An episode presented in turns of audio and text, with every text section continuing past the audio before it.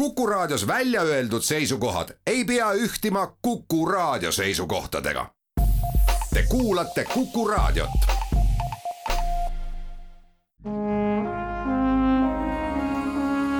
Vanemuise veerand tere kõigile, kes meid kuulavad, tere saatekülalisele, kelleks on täna dirigent Martin Sildos. tere! mina olen saatejuht Tiir Ööp. teisel novembril toimub Tartu Pauluse kirikus hingedepäeva kontsert. see on see põhjus, miks me täna stuudios kokku saime.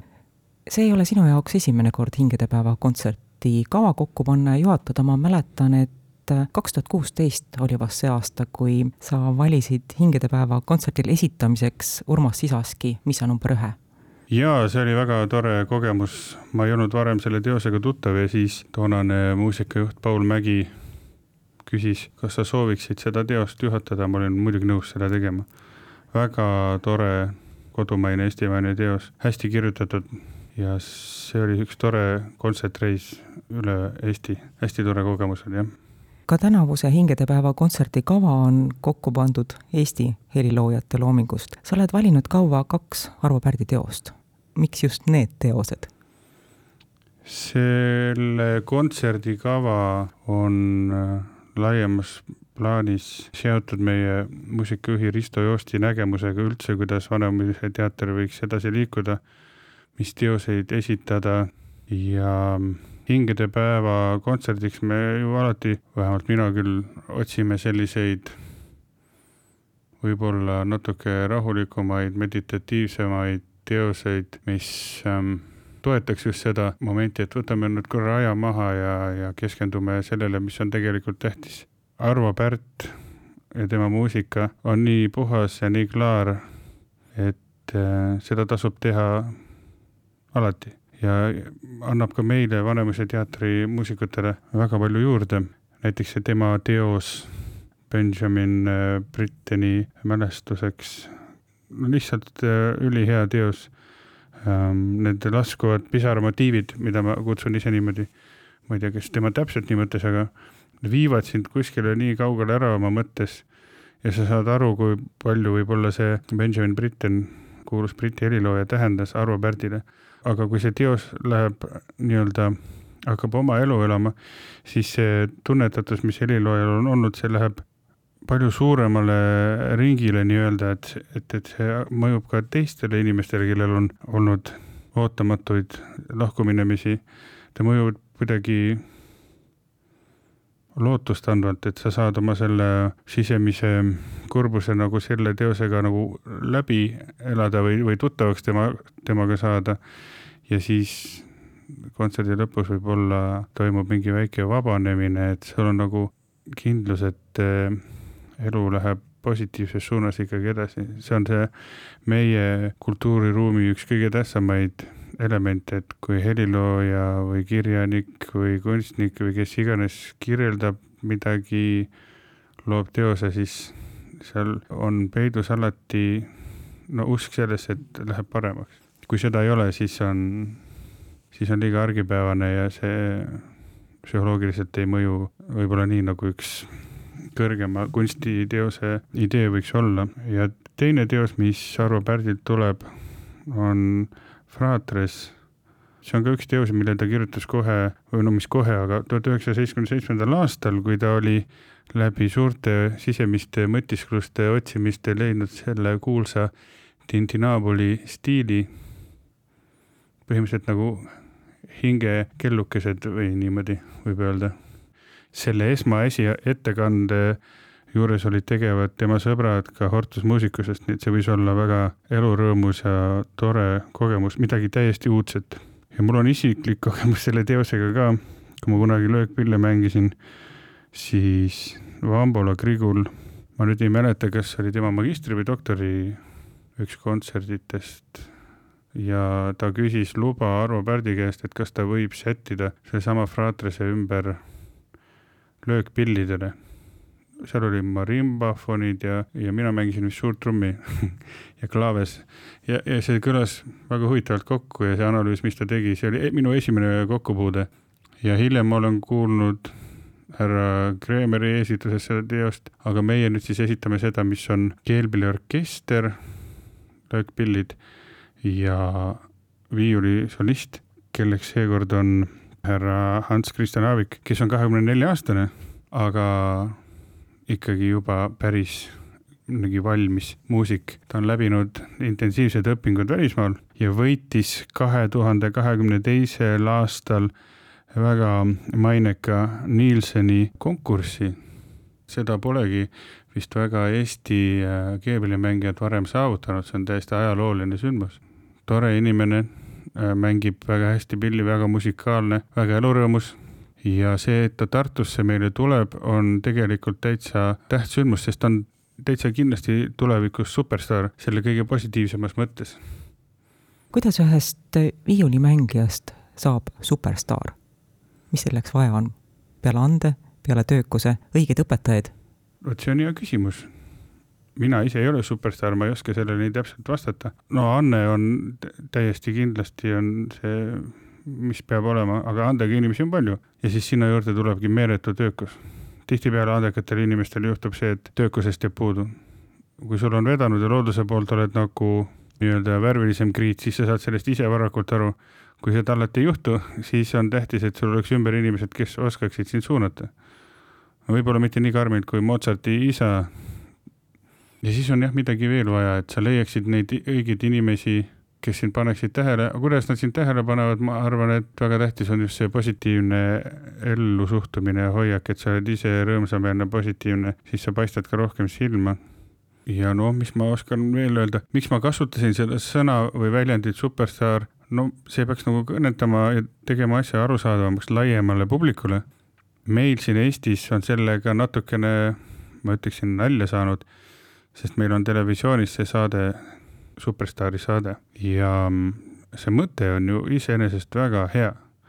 leitakse andekad inimesed ja neile antakse võimalus ennast proovile panna, aga minu meelest võiks olla selle saate auhind mitte see, et sa saadki nii-öelda, vabandust, aga jutumärkides superstaariks, vaid et kui sa selle saate võidad, siis sul pakutakse võimalust minna täpselt sellesse kooli või õppejõu juurde, kes sulle sobib, kool, mis sulle sobib, sul võimaldatakse elada ilma õppemaksuta, ehk siis makstakse kinni õppimine ja elamine, et sa saad pühendada täielikult enda oskuste ja ande ja kõige selle fokusseerimisse, tippu viimisesse. sest ma arvan, et meil on sellest natuke puudu, et meil tehakse üks saade ära ja öeldakse, et ma olen superstaar. tegelikult see on alles võib-olla esimene samm mitte, et see lihtne oleks, loomulikult mitte, aga selleks, et saada nagu päriselt superstaariks, jah, selleks peab tegema ikkagi veel rohkem palju tööd ja just õigete õppejõudude juures. Vanemuise veerand saade läheb edasi. kuku raadio Tartu stuudios on dirigent Martin Sildos ja saatejuht Tiiu Rööp. pöördume tagasi hingedepäeva kontserdi juurde. kolmas teos, mille sa oled sellele kontserdile esitamiseks valinud, see on Eesti muusikaajaloo esimene reekviem. Just nii, see on väga tähtis teos Eesti muusikaajaloos. ma ise kutsun seda hellitavalt kreekviemiks.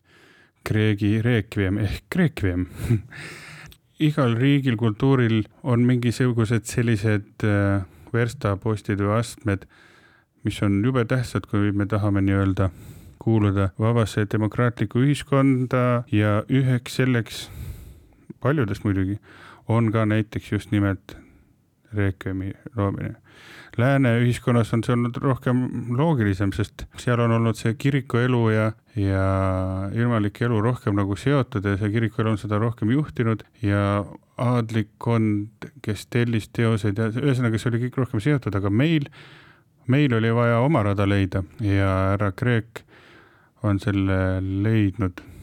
see on väga positiivne teos selles mõttes, et jah, ta räägib tõsistest asjadest ehk siis hingerahust ja, ja ikkagi on jällegi meenutuseks nendele, keda me enam füüsiliselt siin elus ei saa näha. aga kui see teos ära lõpeb vaikselt, vaikselt, siis on tekkinud mingi selline arusaamine, et, et on küll kurbi momente, on rõõmsaid momente, aga kõik on okei okay, lõppkokkuvõttes ja meil soleerib seal Mati Turi, kes on legendaarne Eesti tenor, ta on tõesti legendaarne, väga huvitav äh, isik ja väga, väga hea muusik. tema näiteks on võimeline niimoodi, et sa võtad ükskõik mis äh, noodilehe ette, ta laulab kohe sulle selle ära kohe õigesti, ütleb, milles probleem on? Kui mõnel võtab aega, pikka aega ja ikka ei pruugi aru saada lõpuks, mis toimub, siis temal neid probleeme pole olnud kunagi minu meelest. ja muidugi ta on seda teost väga-väga palju esitanud Arvo Olmeriga äh, mõlema maestro Kaljustega mm,, kellega kõigega veel ja mul on väga hea meel, et mul on nüüd võimalus, võimalus lõpuks temaga koos muusikat teha dirigendina, sest kunagi koos me laulsime, kui Tõnu Kaljuste tegi meestelaule Kultuurikatlas Tallinnas enne seda remonti. ma olin seal kambas, laulsin ka seal meestekooris ja olin natuke koormeister ka, kui oli natuke vaja seal midagi aidata. ja siis on isegi üks pilt tehtud, kus ülevalt poolt, kus seisab Tõnu Kaljuste, Mati Turi ja mina, me arutame mingit tähtsat asja, aga ma ei mäleta, mis see täpselt oli ja sellest ajast peale ma olen nagu oodanud selle hetkel, millal saaks temaga koos teha. me siin Vanemuises oleme saanud tegelikult juba mõnda ooperit koos teha, aga sellist vokaalsuurvormi, kus ainult ongi muusika ja tekst suurelt niimoodi, seda me ei ole veel saanud koos teha. see on minu jaoks väga huvitav. ja Ene Salumäe mängib orelit, millel on ka selles teoses kandev roll tema on ka see organist, kes on seda teost mänginud juba päris pikalt, nii et tal on kõik nüansid teada. et mul ootan seda koostööd samuti põnevusega. ja loomulikult meie oma Vanemuise sümfooniaorkester ja Vanemuise ooperikoor ja lisaks sellele ka veel Tartu Ülikooli kammerkoor, kellega koos siis me katsume selle fantastilise teose kuulajateni tuua, mis sobib sinna Pauluse kirikusse väga-väga hästi ma väga õnnelik, et äh, see kontsert just seal Pauluse kirikus toimub. mulle meeldib see akustika, see atmosfäär, see kirik on ehitatud eestlaste poolt, puhtalt eestlaste poolt. Nõukogude ajal kahjuks jah, olid mõnel arusaamised natuke imelikud, mis seal kirikus võiks olla, aga nüüdseks on see kõik pandud ajaloo riiulile ja praegu see kirik on väga ilus, väga hea akustikaga sinna mahub inimesi, nii et ärge, ärge muretsege, et ei tea, kas ma mahungi sinna, et kas on mõtet tulla, tulge, tulge. sinna mahub päris mitu inimest. Kreek oli ju tohutu suure töövõimega helilooja. lisaks heliloomisele ta tegi ka muid ühiskondlikke tegevusi ja ta dirigeeris, aga just see heliloomingu pool oli tal ju mm, väga-väga mahukas. tema teoseid, no ma ei ole akadeemik, aga vist üle kaheksasaja kindlasti. ta tegeles ähm, kirikumuusikaga, ta kirjutas äh, Luteri kiriku jaoks, ta töötles läbi õigeusu kirikumuusikat ja loomulikult vaimulikke koraale. ta kirjutas näiteks teoseid niimoodi, et ta kirjutas otse partituuri, näiteks selle Kreekiumi kirjutas ka otse partituuri ja klaviiri tegi alles hiljem. nii palju, kui ma uurisin, siis päris nagu fokusseeritud seda punkti, et miks ta selle kirjutas, seda nagu täpselt ei olegi kindlaks tehtud. kuigi ta pidas oma loomepäevikut, kus ta väga täpselt kirjutas kõiki oma ideid ja mõtteid ja, ja mida ta kirjutas, kus kohas ta lõpetas, mis teose, siis see, miks ta seda teost konkreetselt kirjutas, ei olegi vist leitud seda põhjust. et siin on targad inimesed mõelnud, näiteks Tiia Järg on mõelnud, et võib-olla äkki see impulss tuli sellest, et tema hea sõber Peterburi õpingute päevilt, härra Süda, suri ootamatult noorelt ära. et võib-olla see oli üks impulss. ei tea, täpselt ei oska öelda. ja veel, mis minu jaoks on huvitav, et ta kasutab seal ühte motiivi, mis on inimestele võib-olla tuttav hoopis teise nurga alt. tänapäeval lööb Big Beni kell Londonis. Iga veerand tunni tagant erinevalt äh, viisijupi, ütleme siis niimoodi, mis baseerub kindlatel nootidel gis, fis, e ja b. Ja iga täistund, veerandtund, pooltund, kolmveerand tund on erinevas järjestuses. Ja huvitaval kombel kasutab Kreek äh, oma teoses kohe alguses mm, nii-öelda siis seda Westminster kellade kolmveerand tunni heli ja ma, ma ei ole leidnud sellele täiesti jälle selgitust, miks ta seda kasutab, sest on imelik, et meil on selline teos nagu Requiem ja siis ta kasutab Big Beni kella heli. aga kui ma natukene seda uurisin, siis sain mingeid vihjeid, et tegelikult see viis või see, need noodid, järjestused on Püha Maarja kirikust pärit hoopis ja nad seitsekümmend aastat hiljem viidi Londonisse, kus nad said nii-öelda maailmakuulsaks. Ja sealsamas Big Beni kellatornis on väike tahvel, kus nende nootide peale on kirjutatud täitsa sõnad. see originaalis on All through this hour, Lord be my guide, that by thy power no foot shall slide. mis siis lihttõlkes oleks, et eh, kogu selle tunni jooksul ole Jumal minu juhiks, et sinu eh, väe läbi ükski jalg ei väärataks.